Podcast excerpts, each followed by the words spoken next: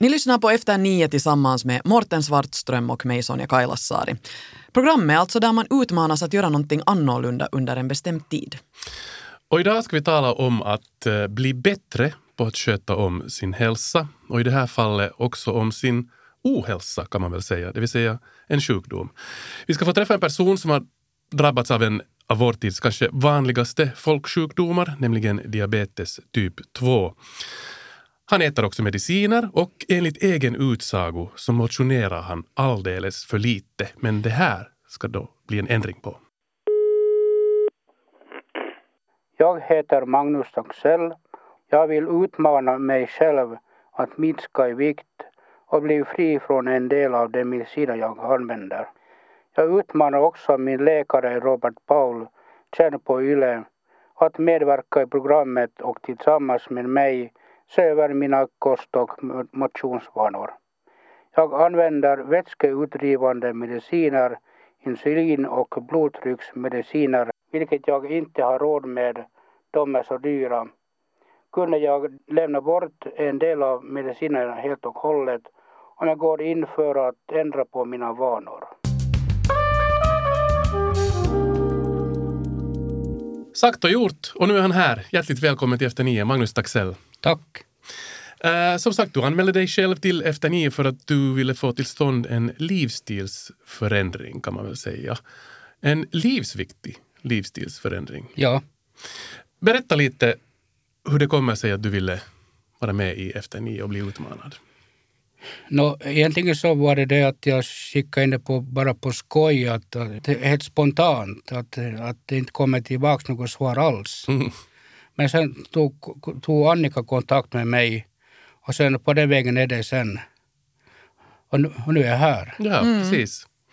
Med oss senare i studion har vi veckans expert som också är din egna läkare, nämligen då Robert Paul. Ja. Hans röst är kanske bekant för en del Vega-lyssnare. Han har nämligen varit radiodoktor och hans expertområde är inre medicin. Och ni känner varandra från tidigare? Ja, han har varit min läkare och sen min, min diabetesskötare som man kan säga Monica heter hon, mm. mm. som har också varit bakom det här. Magnus, berätta lite om dig själv. Eh, vem är Magnus Taxell? Jag är född 23 1972. Jag är uppvuxen i, i, i Finlands minsta stad, Kaskö. Mm. Och man flyttade till uh, Åbo 2006. Stämmer det att du jobbar för tillfället på en eh, textilverkstad i Åbo? Ja. Där man sysselsätter arbetslösa? Ja. Du, du har själv också äh, erfarenhet av att vara ja. arbetslös? Ja. Hur är det när man är då arbetslös? Är det, påverkar det ens äh, livsstil? Nu no, no, gör det det nog. Blir det liksom oregelbundna ja, vanor? Ja, exakt. Dessutom så är jag med i den här aktiveringsmodellen. Just det. Vad tycker du om den? Dåligt. Men det här, eh, hur, du har då utmanat dig själv att ja. uh, börja motionera och ta itu med, med ja. din diabetes ja. och så vidare. Men hur har, hur har dina motionsvanor sett ut innan det här? No, egentligen så har jag nog motionerat redan från, som 15-åring. Var jag ute och skidade långa, fyra, fyra timmar var jag ute och skidade på isen i Kaskö. Vilket gör att jag fick igång den här liksom grundkonditionen. Men så skar jag ryggen i ganska tidigt skede när jag skulle lyfta, börja liksom styrketräna så lyfte jag fel. Okay. Skadade ryggen ganska allvarligt. Jag har liksom konditionstränat mig eh, frisk. Mm. Och konditionsträning är det fortfarande jag håller på med.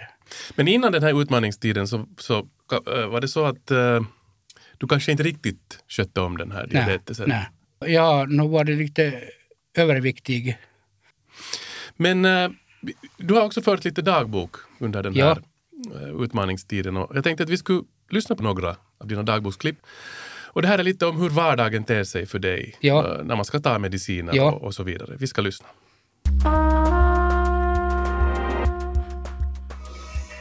Nu ska jag sätta insulin.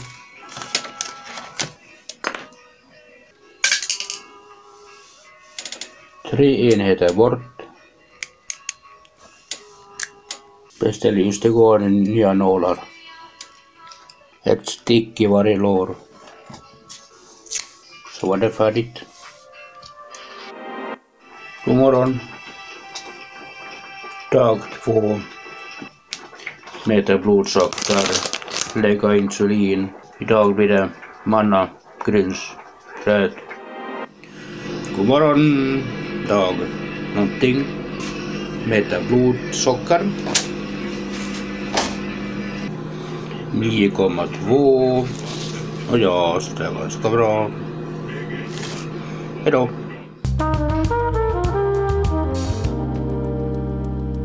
Ja, här hörde vi alltså ett ihopklipp av några av dina dagboksklipp där det just gällde att uh, mäta sitt blodsocker. Ja. Hur ofta måste man göra det? Nå, jag mäter i alla fall på morgonen för, för att veta hur det har gått under dagen. Och, och sen så mäter jag då, då, då jag tycker att jag känner mig sämre, dålig. Mm. Så mäter jag för, för att ko- kontrollera. Men man ska nog mäta ganska många gånger om dagen. Måste man vara noggrann med vad man äter? Det måste man. Och jag försöker också vara. Mm. Men ibland som he- hemma vid så kanske det ibland lyckas med grönsaker och sånt. Mm.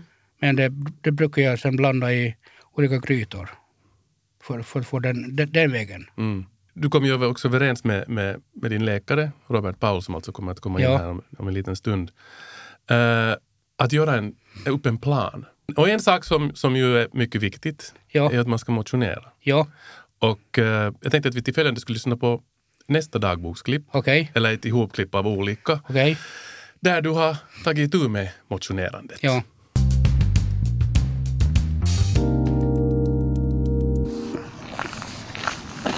Nu går jag hem från jobbet. Det var en lång dag. Stegmätaren är igång.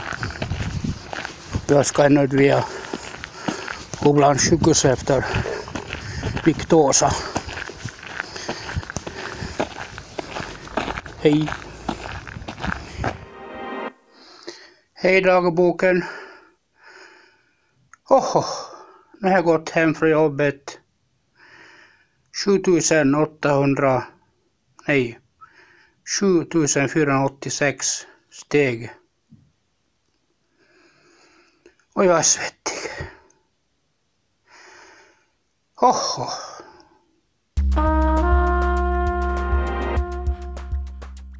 Ja, där hörde vi lite. eh, Ja. gick till och från jobbet. Ja. Är det något som du inte har gjort tidigare? ja, jag brukar göra det ibland. Okej, ibland. För att eh, det, det är bara fyra, fyra kilometer från, från mitt jobb till, till, till, till där jag bor. Mm. Så jag så jag tycker att det bla- ibland kan, kan promenera hem. Då, då, då är det så kort bit. Mm. Och ja, det är ganska spikrak väg. Eh, fyra kilometer och sen eh, steg sen. Fyra kilometer är ju inte alls något kort. Jag tycker att det är ganska Nej. långt. Men det är ju det är en bra motionsform. Ja, det är det. Hur har det känts att göra det här? Att, Vi- att, att gå och motionera? Jo, det, det känns helt, helt bra. Vilka är de största förändringar som du har gjort nu i ditt liv sen du började med den här utmaningen? Nå, att stavgå mera. Jag har tagit i bruk en stegmätare som jag har i min mo- mobiltelefon. Step-controller tror jag den heter. Och eh, jag har sedan i januari eh, gått nästan 203 kilometer. Det låter ju rätt bra. Ja. Verkligen. Hur motiverande är det att ha en sån här stegmätare? Har du märkt någon skillnad i ditt ja, egna beteende? Ja, ja. Mm. Jag har också använt den stegmätaren liksom i jobbet för att se hur, hur långt jag går där. Och där blev det knappt två kilometer. Men, men nu för tiden, så, eller numera, så är det ganska sittande jobb som jag har på, på, på min ar- arbetsplats. Har du gjort några andra förändringar gällande matvanor eller annat i ditt liv ännu som, som har varit... Försökt minska på portionerna har jag också försökt, men Och hur har det gått? det har nog gått sådär. Mm. Men det, det, det är på väg. jag har kunnat sluta med, med påskgodiset. Okej. Så, så, så, så det, det är borta. Mm. Så, så det, det, det har också gjort att alla värden har blivit bättre. Det är ju jättefint. Ja. Det är en helt sån konkret grej som har, har skett i och med Ja. den här utmaningen. Ja. Det är superbra. Vi ska strax välkomna in Robert Paul, veckans expert och din läkare. Han har värden på blodsocker, din puls och så vidare och kan berätta hur den har förändrats under de här månaderna då som du har nu försökt leva annorlunda och hälsosamt. Men innan Robert kommer in så ska vi spela upp ett eh, dagboksklipp som du har gjort eh, efter att du redan hållit på en längre tid med både motion och lite hälsosammare kost. Och så här lät det.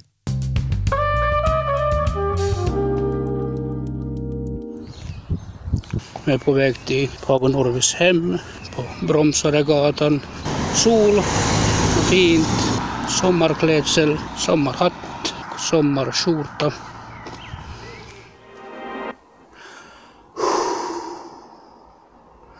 Svettigt. Har kommit hem från en länk. Tre kilo for. 5,2 efter måltid, blodsocker. Helt underbart bra. Jihi! Det var alltså Magnus Taxell som är veckans utmanad här i Efter nio. Härmed säger vi välkommen till läkaren Robert Paul. Tack så mycket. Hur reagerar du på det här sista klippet? No, jag tycker att det är väldigt mänskligt framför allt och berättar ganska mycket om en, en, en flitig, idog diabetikers vardag när det är som bäst. Om vi backar lite, så i och med att du har varit Magnus läkare, skulle du vilja beskriva utgångsläge eh, med Magnus innan, innan vi startar med utmaningen? Ja, alltså, inte bara Magnus utan alla andra som har haft diabetes tillräckligt länge har ju en risk för komplikationer och det är ju det som man håller uppsikt för. Men det, det, det är ju de man på allt sätt vill undvika. Och därför är det så viktigt med den här diabetesbalansen. Och Magnus balans i början var ju ganska, jag vet inte om du ens minns hur dålig den var. Ja, den var dålig. Den var roko. Det, det, var nästan, det var nästan 20 det var det, mi- millimol per liter. Jo, det var alltså ditt sockervärde, men Ja, sen så- finns det ju det här långa sockret också. Det var, jag vet inte, ska jag gå in på det nu, vad det här långa sockret Men du kan lite beskriva vad det handlar om. Ja, alltså det, det, det är då ett mått som, som de här skickliga kemisterna har kommit, att människan mm, liksom har, har inom sin kropp. Det vill säga att, att eh, det är ett mått på det genomsnittliga sockervärdet under de gångna tre veckorna, så där i snitt. Och nu har man under, det här har man då kommit till kanske för en 30 år sedan på den här, att det finns en sån här så kallad långt socker eller HbA1c som det också kallas. Och nu har man under senare år man konstaterat att eh, detta värde korrelerar ganska kraftigt med risken för komplikationer. Så att om man har ett högt HbA1c-värde eller långt sockervärde så är risken för komplikationer högre än om det är lågt. Och ditt värde var högt. Ja. Jag, jag, jag minns inte hur hö, högt det ens var Nå, då. det var 12 procent, vilket, vilket är jättemycket. Jaha. Vad okej. borde det vara då? Hos friska ska det vara under 6,5. Så, Okej. att, ja, så att, och, och, och god balans är där kring, ska vi nu säga mellan, åtminstone under 8 men gärna under 7,5 procent. Och när du talar om komplikationer, så, så vad menar du? Hurdana komplikationer kan det handla No, det, är om? ju det, det är ju det som en läkare alltid har för ögonen, eller åtminstone i baktankarna, att de ska man på allt sätt undvika. Det, det är ögonkomplikationer, nedsatt syn, till och med blindhet. En tid var, var diabetes den vanliga orsaken till blindhet, så är det nu inte mera, så för att vår behandling är allt bättre. Sen är det njurkomplikationer, man kan behöva dialys i värsta fall. Och sen är det komplikationer med blodkärl, man kan få hjärtinfarkt. Och synnerligen tråkiga, tråkiga eh, konsekvenser av det här. Och, och sen kan man också få att eh, de här känslonerverna mistar, man mistar liksom känslan på, i fötter och oftast är det nu fötterna som det går och så får man ett sårnad i fötter och så blir det amputationer och verkligt tråkiga saker. Men till all lycka kommer det bara om man har dålig balans i många, många år, ska vi säga 20 år, då börjar risken för det här tråkiga scenariot öka. Men, alltså, så vi är långt ifrån när det gäller Magnus. men om man inte sköter om sin diabetes så finns det alltså risk att man till och med man liksom dör. Upp utan vidare, alltså det genomsnittliga liksom förkortade livstiden hos då, beror naturligtvis på hur illa den är komplicerad, men det räknas nog i år och till och med decennier i värsta fall om den här vården är alldeles åt pipan. Mm. Mm. Men Magnus har tagit tag i saken och, ja. och ville bli utmanad. Hur reagerar du Robert i det här? No, det, är ju, det är ju jättebra när vi hörde att, att, det, där, att det hade varit så där ruset. Det är nu många år sedan, men ja. det där, inte, inte hade det nog kanske varit så där strålande men nu riktigt mm, ärende no, när vi har varit, känt varandra. Och, och, och, det här är ju då liksom en stimulans, en sporre att ändra på sin livsstil och se till att man inte blir utsatt för det här tråkiga som jag här just beskrev. Och nu får vi ju naturligtvis hoppas att, det står, ja. att, du, att du orkar hålla på med det här, åtminstone på något sätt. Att, att, ja. ändra, eller att, att, när man gör en livsstilsändring så behöver man inte ändra på hela livet på en gång. Nej. Utan det räcker med en, en sak, till exempel att lämna påsgodisen och kanske ja. den där chokon också och så vidare. Precis. Små ändringar. Mm. Bara för att klargöra här, nu talar vi om alltså diabetes 2. Vill du ännu kort berätta skillnaden mellan diabetes 1 och diabetes 2? No, diabetes 1 eller den så kallade ungdomsdiabetes som det nu kallades förr i världen är ju en sjukdom som, som faktiskt till, ofta tillstöter redan som barn. Och där finns bara en behandling och det är insulin från första början för att uh, bukspottkörteln helt enkelt utsöndrar inte insulin. Det, det finns ingen insulin att tillgå. Medan typ 2, där finns insulin, ofta finns det insulin i överskott.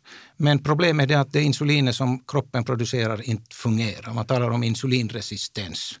Och därför har de här sjukdomarna lite olika förlopp, åtminstone första ska vi säga 15-20 åren. Men sen när man har haft typ 2 så kommer den allt närmare typ 1 för att då, då brukar den här insulinresistensen bli så stark att patienten inte klarar sig, förlåt, inte klarar sig utan insulin. Mm. Och, och, då använder, oberoende om man har typ 1 eller typ 2, behöver man insulin. Och komplikationsbilden är lite liknande. Eh, hur stor betydelse har levnadsvanorna i diabetes 2? Det är helt avgörande. Helt avgörande. Man vet till exempel att för så 90 procent av typ 2 är förenat med övervikt. Och därför anser man att den här insulinresistensen hänför sig till fettvävnaden. Så det är fettvävnaden som nu är skurken. Och om man under det första året efter att man har insjuknat i typ 2 kan gå ner i vikt en viss mängd, och nu, nu är det svårt att säga hur stor den mängden ska vara, men vi säger nu kanske fast om man har väldigt övervikt så 5 eller 10 kilo, men åtminstone 5 kilo, så kan man bli kvitt sin diabetes. Om man når normalvikt under, ett, under det första sjukdomsåret kan man bli så att man inte behöver några mediciner och är kliniskt frisk. Mm. Precis. Så det är oerhört viktigt med levnadsvanor. Magnus, du berättade tidigare att du hade gått ner tre kilo under den här utmaningstiden. Ja, det tycker jag är ganska fantastiskt. Instämmer. Det är jättebra. Jag instämmer, ja. Och, och det här är enbart med, med en ny motionsform, stavgång, som jag nog, nog har sportat tidigare med, men som jag har tagit upp på nytt. Det är ett, ett sätt att skira. Ni pratar med varandra här inför den här utmaningen. Eh, du Robert ville så att säga skapa en liten plan åt Magnus hur han skulle gå vidare. Vad, vad allt ingick i den här no, Det var just den här att öka motion, men samtidigt Samtidigt talar jag nog om att, att det är viktigt också att minska på kaloriintaget och det framhävde du ju här. Ja. Och vi vet båda, alla som sitter här och kanske alla som lyssnar vet hur oerhört svårt det här är. Och därför kan man inte göra stora förändringar utan små förändringar. Och redan det att du på, ska vi nu säga, är det nu ungefär åtta veckor har gått ner tre kilo i vikt, mm. tycker jag att det är ett, ett, ett, tecken på att någonting har skett i din livsföring ja. som vi livligt hoppas att, att fortsätta. Och jag tror att det är den där godispåsen och det är det som vi nu har ja, talat tillräckligt ja, om. Ja. Mm. Min, eh, Så det var målsättningen som vi min, eh, diabetesskötare så gav ett tips till mig att hur jag skulle bli kvitt den här chokladen också.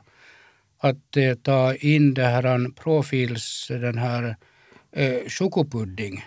Var det 80 kolhydrater i den här chokopuddingen? Medan det i chokoplattan är 500.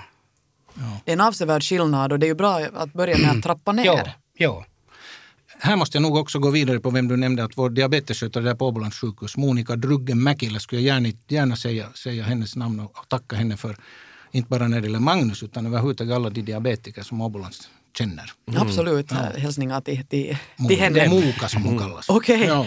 No, uh, Robert, du har nu med dig resultat också från den här tiden. Vill du lite berätta hur det ser ut? Innan jag går in på det så skulle jag bara säga att det absolut viktigaste resultatet är den här viktnedgången. Ja. Och, och kan, då kan vi förvänta oss, men det får vi ju sen se, att om det lyckas så kan du gå ner i blodtrycksmedicineringen för att övervikt och uh, blodtryck korrelerar kraftigt med varandra. Så att de diabetiker ja. som lyckas gå ner i vikt kan gå, kan gå miste om en del av sin, med, de mediciner som Ja. du själv, själv, också skulle gärna kanske Ja. und, undvara. Före vi går in på resultatet, vill du berätta hur mycket medicin som ingår i din vardag, Magnus? Det ingår eh, sex preparat. Jag tror att du inte har kolesterolmedicin om jag minns rätt. Nej, jag har Nej, inte. det. Så att det är egentligen ganska lite. I, i snitt så typ 2-diabetiker använder i snitt 11 tabletter per dag. I snitt. Elva Så- tabletter. 11 stycken. Ja. Så du har kommit under det. Ja. Det är bra. Men Robert Paul, eh, du, du mätte alltså de här värdena innan den här utmaningen och du har mätt dem nu. Det, hur länge har du hållit på Magnus nu med, med den här utmaningen? När var det någon i mars någon gång? Ja, ungefär två månader va? Ja, två månader. Ja.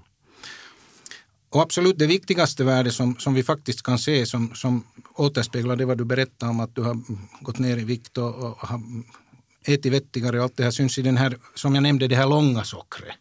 Som då är ett mått på risken för komplikationer också men, men egentligen ett mått på hur, hur den där genomsnittliga sockerbalansen har varit. Den var då 84 enligt de här moderna må- måtten som vi nu för tiden använder. 84 så har det gått ner till 61. Oj. Och eh, i procent om vi räknade så hade det då gått ner till 7,7 procent vilket då kan uppfattas som ett helt acceptabelt värde, vilket det där 84 nog inte var. Nej. Så att du har kommit in under den där nivån där, där komplikationsrisken inte kan anses vara Ja. särskilt stor. Så att om du håller det här så är allting, Ja, allting ja. bra.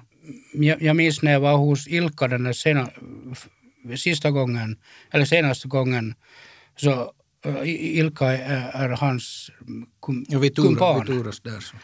Så, så vad heter det, så, så då kände han, så kände jag inget in när han stack mig i, i, i, fötterna. Med, med, med, med den där. Så han, han blev väldigt chockad. Är det liksom ingen känsla? Nej. Och, då, och det var då, då just det var på, på, på väg till det sämre. Mm. Så det är också ett mått på att det har Ja. gått till det bättre. Och sen det, det som nu är också viktigt att äh, vad som inte, inte har blivit sämre och det är den här njurfunktionen som man uppfyller, den är, den är bra och blodbilden är normal. Eh, kolesterol är oförändrat. Så att, eh, men, det, men det som är absolut viktigast ur diabetes synpunkt är den här, det här långa Ja. sockret, HbA1c, att det har faktiskt gått ner så här mycket. Mm. Mm. Så det, det går mot det bättre? Ja, hur känns det, Magnus, nu efter uh, utmaningen? Det känns motiverande att fortsätta. Ja. Nå, det, det är ju ett jättebra svar. Så Ja. du tänker fortsätta på samma väg. Ja. Tänker du eventuellt göra någonting annat ännu? Nå, kanske mm, a- avstå från den där chokladplattan. Är det ett löfte? Ja. Okej, nu har du lovat det i radiosändningen Ja. eller här i Ja. vårt program så att det, det är alltid bra när man lovar någonting så det Ja. motiverar en lite mer. Jag skulle vilja kort ännu beröra det här som du nämnde om, om, om kostnader och, och vad mediciner kostar. Jag tycker att det var en oerhört viktig poäng för att, som förresten är säkert förbisedd. Ganska mycket. Vi, vet, vi känner egentligen inte till hur, hur stor den där så kallade följsamheten är bland patienter. Och ju dyrare medicinering och mindre man har möjlighet att, att komma åt dem, desto sämre är den här behandlingsföljsamheten. Och sen har det ju sina konsekvenser. Och nu vet vi ju att, att diabetiker tidigare fick allt fullständigt ersatt. Men med, i och med att det har utvecklats nya mediciner som naturligtvis är bättre än de äldre, annars skulle det ju inte finnas, har också ersättningarna sjunkit. Och det här, hur det inverkar på folkhälsan återstår att se. Mm. Och jag Ja. vet att du har nog en del mediciner som inte är alldeles billiga. Nej. Och det här insulinet som jag använder så det får jag tre förpackningar för 4,50 som, som, som FBA ersätter. Men per, per låda så kostar de nästan 300 euro. Så att kostnaden är viktig och därför vill jag gärna se en parallellism om ni tillåter mellan kostnad och kost. Två olika ord men samma idé så tillvida att genom att förändra kosten så kan man gå ner i kostnader. Samtidigt ska man komma ihåg att en kost som är rik på kolhydrat och fett är billig. Så folk som kanske inte har så mycket medel köper gärna fet och söt mat för att den är mycket dyrare. Eh, Den är mycket billigare än grönsaker och frukter och proteiner. Så att det, det, är en, det är en sån här intressant... Det låter lite också som en ond cirkel. Det är så. Det är så. Jag tänkte fråga ännu här till slut, eh, eh, Robert Paul, som, som läkare, så det, det är två saker som jag bara funderar på och det är spe- speciellt till de som kanske sitter och lyssnar nu. Är det, för det första, är det så att man kan ha drabbats av diabetes typ 2 och inte märka det och inte förstå att man har det och, och kanske det går så långt att, att man får just komplikationer eller någonting. Och om man tycker, eller när ska man börja fundera på att borde jag gå och testa mig? Det här är en mycket bra fråga och jag vill utan vidare säga att det finns inte så sällan människor som går till läkare på grund av att de ser dåligt. Mm. De har haft typ 2-diabetes i kanske fem eller mer än fem år, en lindrig form och de har ögonförändringar då redan. Och det är typiskt i typ 2 att ögonförändringarna kommer först. Så att svaret på frågan är utan vidare ja. Och därför är det viktigt med hälsokontroller och en god livsföring så att man inte utsätts för, för risken för typ 2-diabetes. Men nu vill man kanske inte skapa någon panik? Där, nej, snälla vän, nej, snälla vän. Men vad jag säger är att det är bra att gå på hälsogranskningar om man har möjlighet till det. Och sen ska man ju naturligtvis undvika övervikt. Mm. En var av oss. Mm. Också Sköta om sig själv. Ja, sådär som, som ni. ja, tack. Det är jättefint hur det har gått nu, Magnus. Ja. Och, och, tack för att du ställde upp tack. i vår utmaning. Uh, är det någonting ännu du skulle vilja tillägga här nu efter, efter den här diskussionen? Med tanke på framtiden. Lev sunt, gå mycket. Mm. Mm. Du fortsätter med dina, dina stegmätare ja. som motiverar dig.